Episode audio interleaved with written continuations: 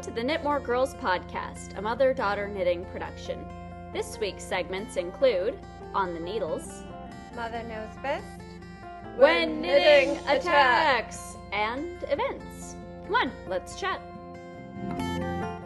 Welcome back, listeners. We've got another week and another show, so let's get right into the thick of it. Hey, Mom, how's it going? Excellent. Little bit sore, but otherwise wonderful. Excellent. Do you want to tell us why? Yes, I went to a Tai Chi introductory class at the Municipal Rose Garden in San Jose today. Lovely. Actually, it is. I've never been to the Rose Garden, and I don't think you've been either. No. It wasn't somewhere where I took you guys when you were little. Nope. It's a lovely place, and um, we had a Tai Chi demonstration instruction there. Um, Gregory, who is one of the gentlemen in our knitting group, Mm-hmm. is also a Tai Chi instructor, and so he had pinged me a flyer because he knew I was interested. Uh huh. And yeah, and I had asked your brother to come along, Uh huh. all karate guy that he is. Yeah. My brother does martial arts for those of you listeners who don't know us in actual life. So I asked, I invited him, and he said, No, Mom, Tai Chi is an old lady martial art, and while I'm thinking it is excellent for you, I don't want to go. Okay, his loss. Very much his loss. Mm-hmm. Now, the instructor, uh, David, is Chinese and very tiny, very petite man, very much reminiscent of Bruce Lee. Looking at him, you wouldn't guess. And then he does moves, and their muscles pop out that you didn't belong existed in such places. And very easy, with a flick of a wrist, and he had these big guys who were obviously regular students Mm-hmm. In a two finger lock so the ring finger and the middle finger of his of his left hand he attached them to to their wrist and all of a sudden they were turning bright red and going down Uh-huh. and tapping out Uh-huh. and he said tai chi is as much or as little as you want it to be and Uh-huh. as little as you put into it or as much as you put into it Okay.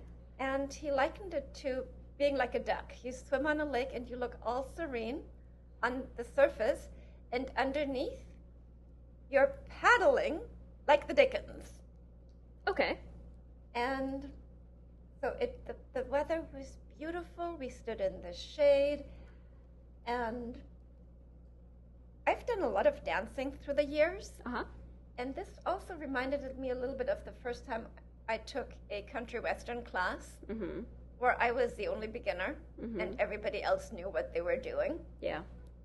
And I'm frantically trying to catch up and breathe and not look clumsy. That's a bit of a challenge. Being clumsy tends to run in our family. I'm as graceful as a duck. Exactly. and I would have joined mom, except that Andrew and I had plans for this morning to celebrate our anniversary. of Our seven year anniversary. We've been together for seven years. We haven't been married for seven years, but you know, it's our dating anniversary and it counts and it's a fun one. So we went and we saw The Dark Knight, which was excellent, but violent without being graphic, if that makes sense. So I really enjoyed that, but well, this was excellent. This was not violent. Very, very interesting, though. mhm. Oh, and he encouraged us to ask questions and Mhm. speak out. And uncharacteristically, I was very quiet. I okay. d- I couldn't even ask intelligent questions. I was so new at this. Okay. And usually when you're exerting a lot of physical energy, it's really kind of hard to to think. That's why I find yoga so calming because it's so physically demanding that my brain just quiet down. There's Well- just not enough. I haven't exercised in how many years? True. Since the last yoga class we went together. Yeah. And I'm ready to, being an Olympic knitter and all that, I can take it a step further and I'm ready to be exercising again. Okay. And holding a pose with your neck, uh, knees bent a little bit and sinking down is challenging. And my my leg mu- muscles were vibrating. Yep. And then I looked at this tall guy in front of me who had the same issue, and I could see his leg muscle vibrating inside his pants, so I didn't feel all that bad. And the the master was very concerned with all the students and look here and careful and don't overdo it and coming around and giving corrections to, to posture. Mm-hmm. And then we were standing around talking, and he told me that um, I I'm kind of shy, Uh huh. and I laughed really hard. Uh huh. Shy, Yeah. moi. I am not shy, but um, it wasn't it wasn't the place. I didn't have anything intelligent to ask, so so it came up that and the master knew that Gregory was a knitter, and that's actually how we had met. Mm-hmm. But it was very interesting, and I enjoyed it, and I think I'm going to do this. Okay. Excellent. I'm glad to hear it.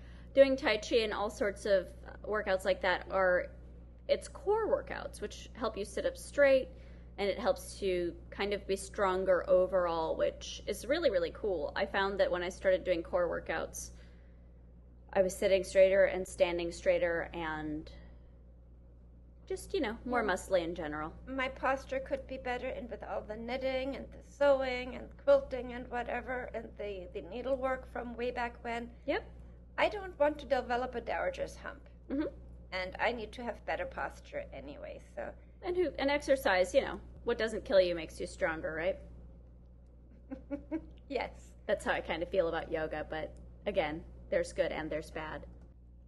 So, other than Tai Chi, what have you been up to? Olympic knitting. All right, let's hear about how your Olympic knitting is going. Well, we cast on Friday night, That we did. and I knitted, and I am working on my chic sweater, hmm and it's growing little by little. Excellent. That's a good way for it to grow. Yeah. I too have been working on my Olympic knitting. I cast on on Friday, Yes. like we were all supposed to. And I did some math before I cast on, and I'll get to that later. And it's Sunday now, and I've done the 14 inches of the body for my ribby cardi. And um, unlike the way the pattern is written, I'm knitting it all in one piece, not top down. Um, I'm knitting the fronts and the back all on one needle, and then I work up the back, and then I work the fronts, and then I'll do the sleeves top down, and I'll have a sweater. Why is that that you decided to do it in one piece? I don't really care for seaming sweaters. I find it more efficient to do them all in one piece. Also, because I'm knitting with this hand spun yarn, I want the color to be a little bit more evenly distributed where I can manage it. So I'm not like obsessively trying to make everything tidy and identical and uniform, but Not obsessively. So you're going to work from different balls for the front and the back, and uh, the front and the back, and not do an armhole steek thingy.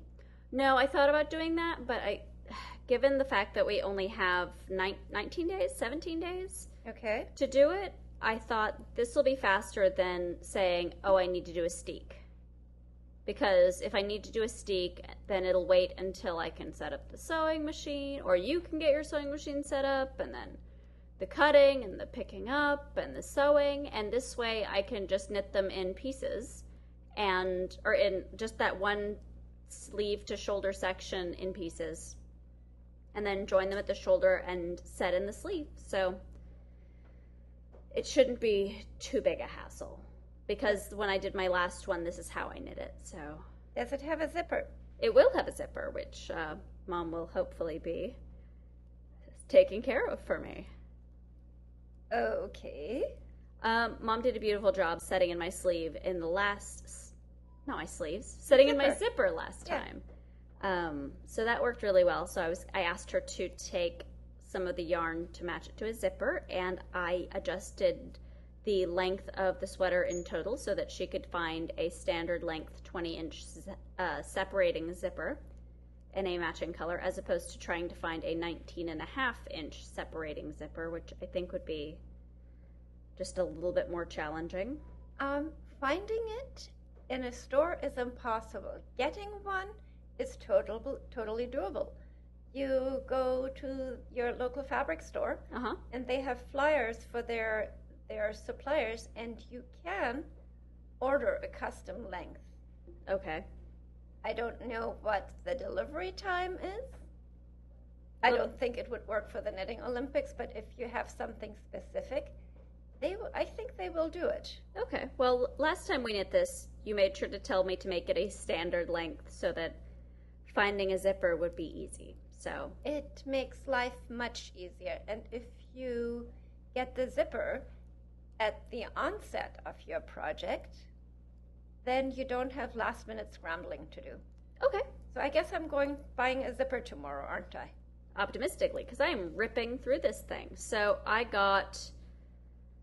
When I sat down to knit this morning, I had 11 inches of body knit. And I needed to knit it up to 14 inches of body before I separated for the sleeves. And I separated for the sleeves, and now I'm working on the back. So it's moving right along, which is really excellent. Um, when my hands start to get fatigued, I move on to either housework or something else. And my other related, relevant thing that I've been doing with some of my time is that I'm alternating the knitting with spinning.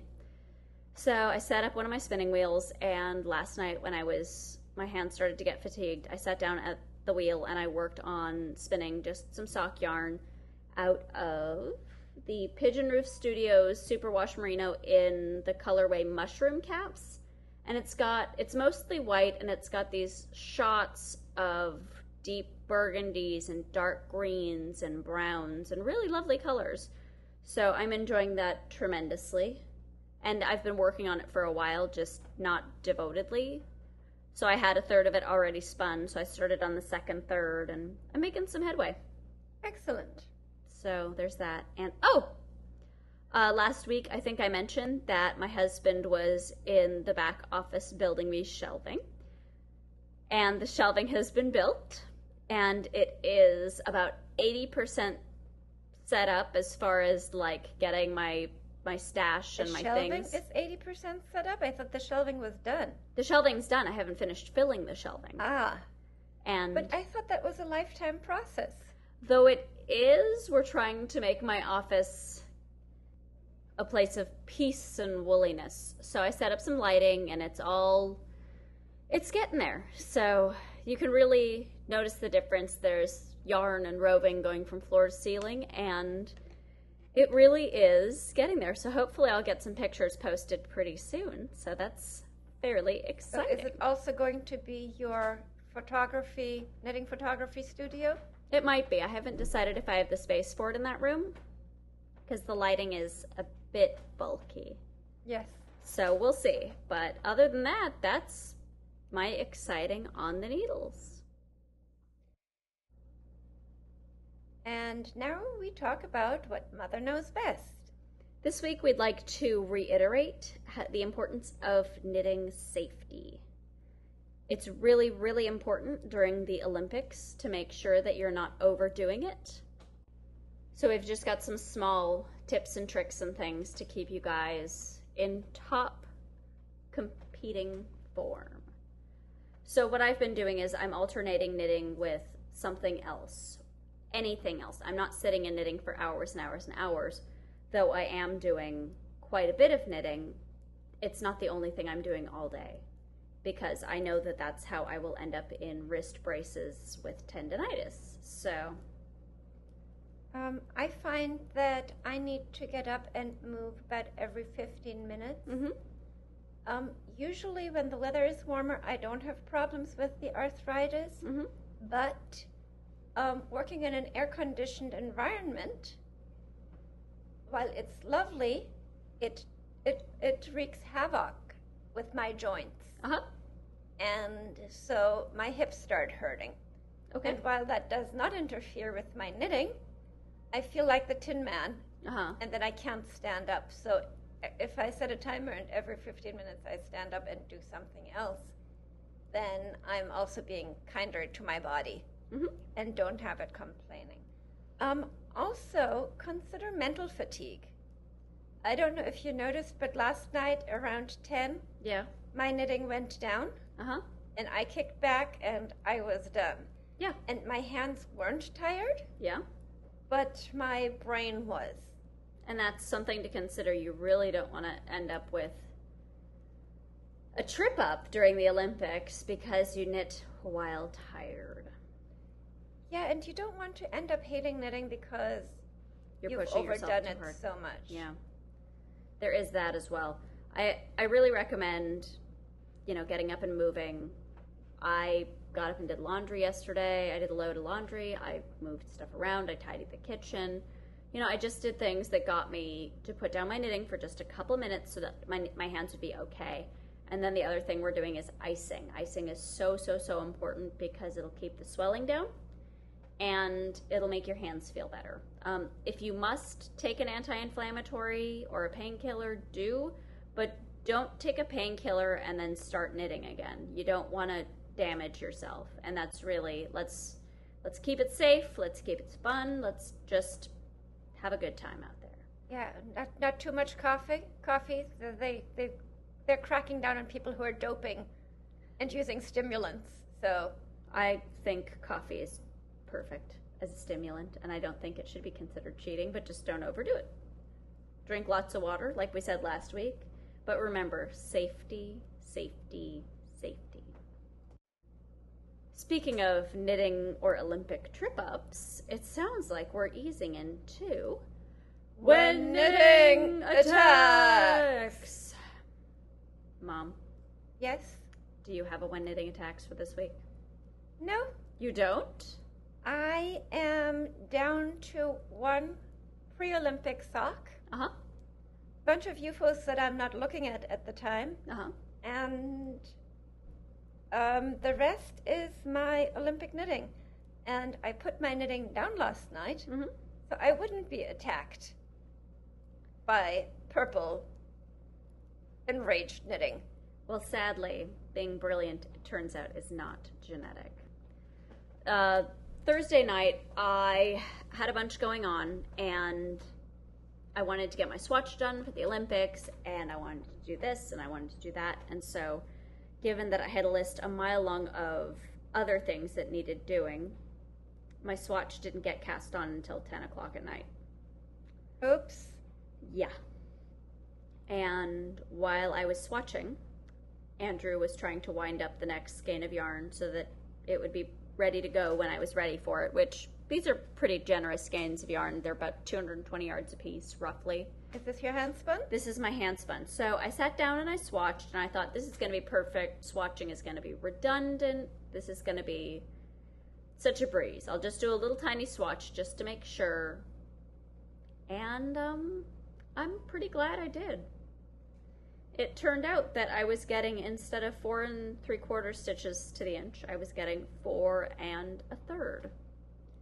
Which, That's a half a stitch difference. half a stitch difference per inch. That's too much. Way too much. huge. And because it was 11 o'clock by the time my swatch had grown to a point where I could convince myself that it actually was four and three quarters and not, or that it was four and a third as opposed to four and three quarters, I was about ready to cry because here I was, I'd spun this yarn just for this project, and after setting and whacking it so it would bloom and have the hand I want it to have, it's one ply too big effectively. Ah, So I was pretty miserable and I was complaining at Andrew, and he suggested doing math. And since I, I'm not afraid of doing math, I reworked the pattern and I should be getting a sweater that fits. Though Ursula said last night that she hopes very, very much that it turns out far too small for me so that she gets it. Because evidently she really likes this set of hand spun, so we'll see. But I have a very good feeling about it, so we'll see. But um, You don't know- swatch. Your Einstein looks lovely on her, It does, and she loves it. considering she's got I think half a dozen of my sweaters now. Good. And socks? Oh, more more socks than sweaters, but yeah, swatching late at night is probably not not what not advised because I got I got weepy almost because I was just like, why isn't this working? This should work. It's always it always works. So don't swatch late at night. Don't swatch after you've had a long day. Don't drink and swatch you know drink all the swatch. standard stuff but yeah it was it was pretty troubling alrighty and let's move on to events this upcoming sunday this next week uh august 8 i'm sorry august 17th is the monterey wool auction we've been talking about the fact that we're going uh, for a few weeks now and we thought we'd just talk a little bit about last year's wool auction um, last year, mom and I went together with a couple of our friends, and we had a terrific time. We went a few hours early to walk the fair a little bit, check out the Angora bunnies, eat some stuff that's really bad for us. You know, cotton candy. I may have eaten enough cotton candy to set me, you know, off like a rocket, but it was so worth it. Um, Funnel cakes. Oh, funnel cakes. I love fair food. Mom, Mom and I have a weakness for funnel cakes. Actually, deep fried dough of pretty well any variety. Donuts, funnel cakes, fry bread. It's all good. And beignets, I'm sure we'd like if we had them, but we haven't had them yet. But we will. well, field, field trip to New Orleans. What kind of knitting do they do there? Interesting stuff, I'm sure. Yes. Anyway, so we went a few hours early. We checked out the fleeces. Um, the nice thing is, is when you get there, you sign up. You get your auction number thing. They take your name and your address, and they give you the sheet with all of the fleeces that are being auctioned off. Now, the sheet has um, the weight of each fleece, the breed of the sheep, the person who is the breeder or the owner, and um, if there's any awards that the fleeces won, it's noted on there as well as there are ribbons on the fleeces themselves that are winners for the fair. Mhm. So last year, we bid on between the three of us who who bought fleeces. Mom didn't buy a fleece; she just went for you know fun. For the fun and the fr- fr- fried food Yep, and the company. Exactly. So we went, and between the three of us who went last year, we ended up with five fleeces.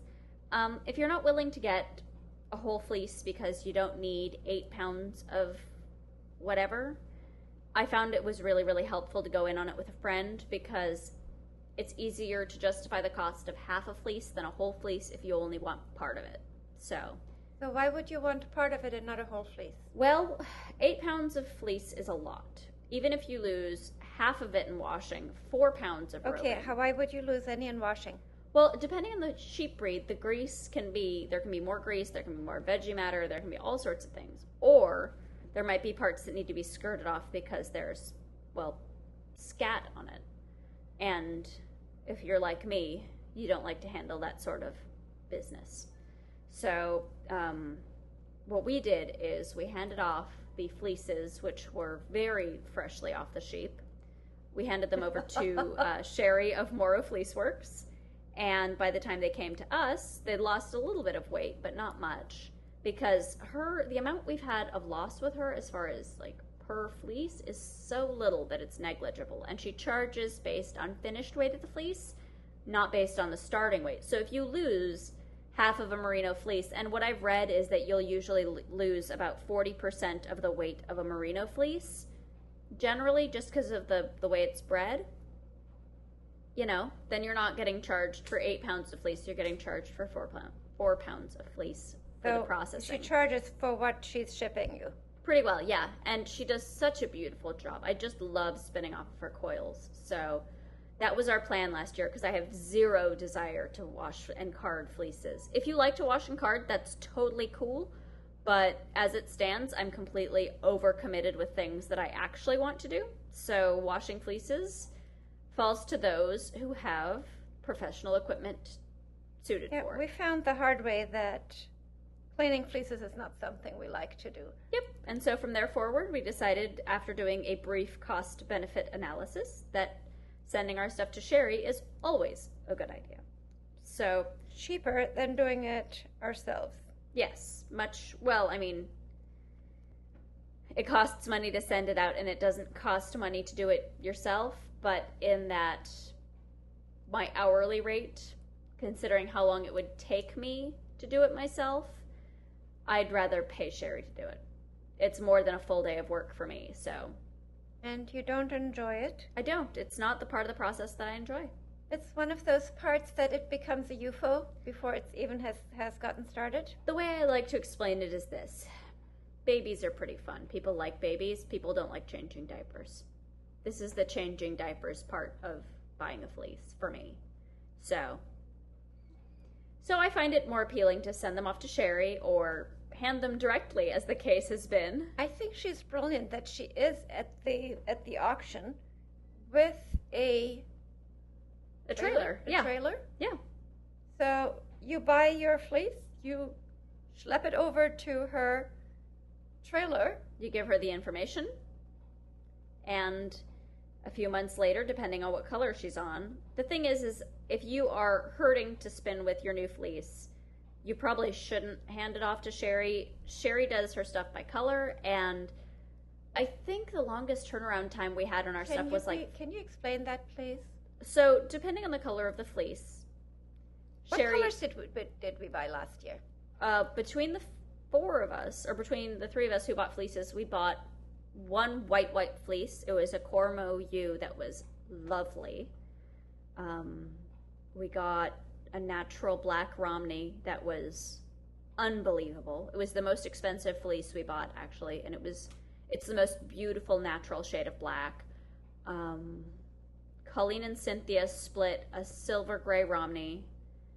I got a steel gray merino, and I think I split. No, I have the steel gray merinos, all mine, and then I got a variegated charcoal and cream merino that I split with Cynthia. So we got really interesting colored fleeces. Okay. I wasn't into bidding on the Cormo, and I was so sorry when it came in because it's like spinning heaven. It spins well. I'm actually spinning. I traded Colleen for a pound of hers, and I'm spinning it like cobweb fine, like it's nothing. I mean, it's wonderful. So I really, I think she does a terrific job. If you need a fast turnaround, I suggest you do it yourself, but you won't be half as happy. But the way her her equipment works, it it's better to do like colors one right after the other, rather than you know a white fleece here and a dark fleece there. You know, it tends to work better and keep everything more orderly. And that's just how she does it. And she says on her website that she won't sacrifice quality to get things out to people faster, which I think is Unusual in this day and age. well, it's unusual in this day and age, and it shows a lot of integrity on her part as both a business owner and a craftsperson. You Okay. can't hurry someone when it comes to Quality. quality. So Have you ever ran out of stuff to spin while you were waiting for an order? I haven't, but I have a stash that's unusual from what I understand. And plus, you can always get pre done stuff from other people while you're waiting for your fantastic fleece. I find that it's really pleasant to be surprised when your fleece shows up. So like Christmas. it is like Christmas, and it's so much more fun because that way you can you can stagger the enjoyment. And what we did last year is I pulled a little bit of each fleece, just like a lock out of each, and I stapled them to a piece of paper. And when they arrived, we knew how much of each fleece everyone got, and we got to look at it just up on the fridge every day until our fleeces showed up. So that's how we did it. Do Um, you keep track of who ordered what? that too, because I hate to say it, but sometimes We forget. some of us named Jasmine forget. And hindsight always is like, well, why on earth didn't I bid on this? I of course I would have bid on this. I'm not not completely foolish, but when you put it in writing and everyone sees it, everyone's happy and there aren't any misunderstandings and no friendships get damaged in the process, which is good. So, um, so yeah. Oh, beforehand you go through and you can look and touch and smell and whatever the fleeces. And get lanolin all over your hands. You can. You can check the staple strength and the length and the color and the, you know, texture and the whatever and it's really fun to go through and I made a lot of notes based on kind of what I was looking for last year in in my little booklet thing and if you have a favorite breeder who's there, you can kind of track which breeder brought which fleeces and it's just a really really fun day. Except for when you find that the place that is absolutely lovely and you want very much is not for sale. Yeah, there were a couple last year that were for exhibition only and they weren't for sale, which was kind of a bummer. But um, if I were the owner, I wouldn't want to sell them either because They were amazing. they were fantastic. I think two or three of the blue ribbon fleeces were not for sale, but Yes. but yeah, um, we had a super good time. Bought a few things. Got a little sunburned if you were me. So this year, if you're not familiar with Monterey, it's usually very pleasant. I find it to be a little on the cool side for me. It usually runs 70. I think last year it spiked up to maybe 75. So I go in wearing like a sweatshirt and some light slacks. And by the time the auction hits, it's usually warm enough where I peel off my sweatshirt and go. But it starts pretty cool. So bring your sunscreen, bring water, reapply the sunscreen, drink the water. Hat. Wear a hat. You need to have protection from the sun. This is all outdoors. It gets really hot, and it got so hot that I Oh, had that's to. right. I had to get up and go inside for a little while, get out of the sunshine, and I looked at the exhibition hall Uh huh. where they had all the stuff that people had submitted to the country fair with the, the needlework and the knitting and the quilting and the baking.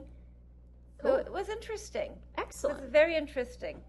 So there's more to do than just buy fleeces. So it's pretty excellent if you're planning on going. Um, do you say hello? Oh, Also, sorry. I also like the auctioneer that they have. The the pretty little girl who She was expecting last year when she came. yes. And the way she runs it is absolutely amazing. It's like the auctions you've heard on TV. Yep. Well, where they, you can't have. understand a word of what they're saying. It's sing songy. hmm But you know when somebody's bidding. Yeah. you definitely know that. And if you're the one bidding, you're listening like a hawk. So um, do make sure to pay attention to the guidelines. Usually the prices they have posted are per pound. Uh, before you get crazy going and bidding, make sure that your per pound bid does not exceed your budget or what you're planning on max bidding on that fleece.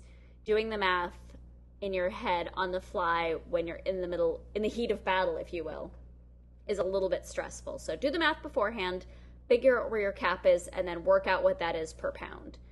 And if you are a person who sticks to a budget, hold strong. There are lots of fleeces. There will be fleeces the year after. And if you see a breeder that you like particularly, get their name. They usually will sell you fleeces not at the auction as well. So that's super important. Don't overspend. Don't get caught up in the bidding and the craziness. Just bid what you're willing to pay. Yeah, there were a couple of fleeces that They went insanely high. And I thought, all right, those are nice fleeces, but not 20 dollars a pound. They went up way higher than $20 a pound. There was something that hit like 32 or $33 a pound, which unprocessed, it's a little bit high. And they weren't anything special, if you ask me. So I had to keep rein on one of the gals in our group because we we bid on 15 fleeces and we came home with five. So you win some, you lose some. So thirty dollars a pound was not cashmere goat. No, no, no, no, no. It was certainly not. So I think it was some kid mohair, to be honest. But in any case, That sounds lovely. it was, but not thirty dollars a pound lovely. So yes, bid wisely, do the math beforehand. You know, knowledge is power, all that good stuff. So there you go. So yeah, And after the auction, Um, there are many places in Monterey where there is wonderful food to be had. there really is. There's the pier that has all sorts of fun restaurants that have terrific seafood. If you're in the mood for some higher end food, um, pretty close to the pier is a restaurant called Fresh Cream where Andrew and I had our um, one of our anniversaries. I want to say it was either last year or the year before. And the food is spectacular. It's a bit pricey, but if you really enjoy a good meal, they're fantastic. There's other places up and down the street that are equally good, but just different and Mhm, lower think- cost and lower key. I think one year we went to the Boar's Head in Carmel, we did. which is Clint Eastwood's restaurant? Yeah. Yeah. A Dirty Harry was not there, so Nope. The food was good. Food. and the atmosphere couldn't be beat. Um, if you're not familiar with the Lay of Monterey, Carmel isn't far. Carmel is full of fantastic restaurants, which is where uh, the Boar's Head is. And yeah, especially if you have a long drive ahead of you, we have about an hour and a half drive each direction. So we're planning on finding something to eat while we're in town and then probably head back because after burning all that energy buying fleeces, we're going to want some sustenance before we hit the road and head back home. So definitely check it out online before you head out. If you have any friends who live in the area, I suggest asking them or call a local yarn shop down there, see what kind of recommendations they have. That's how I eat my way around town and it's never it's never led me astray. So Yes, that that always works. it does. So if you happen to be at the wool auction, as I've said every week, come and say hi. I have hot pink hair, and mom is usually not far off. So come say hi. This week, we'd like to give special mention to Tai Chi in the Rose Garden, uh, which is what Mom had talked about earlier. It is held in the San Jose Municipal Rose Garden, taught by Greg McKenna. He teaches Yang style short form, and it's Tuesdays at 6:30 p.m. He can be reached at artfulclimber at gmail.com. That's A R T F U L C L I M B E R at gmail.com. If you contact him, he can give you his phone number for further details. We have just one more announcement. We will very likely be putting up the next podcast um, the Monday or Tuesday following the wool auction, so you can hear all about that. So don't worry, we're still coming. We'll just be a couple of days later than normal. As always, our show notes can be found at knitmoregirls.blogspot.com. That's K N I T M O R E G I R L S.blogspot.com. And you can always reach us via email at knitmoregirls at yahoo.com. Remember, this is Jasmine And Gigi telling you to knit more.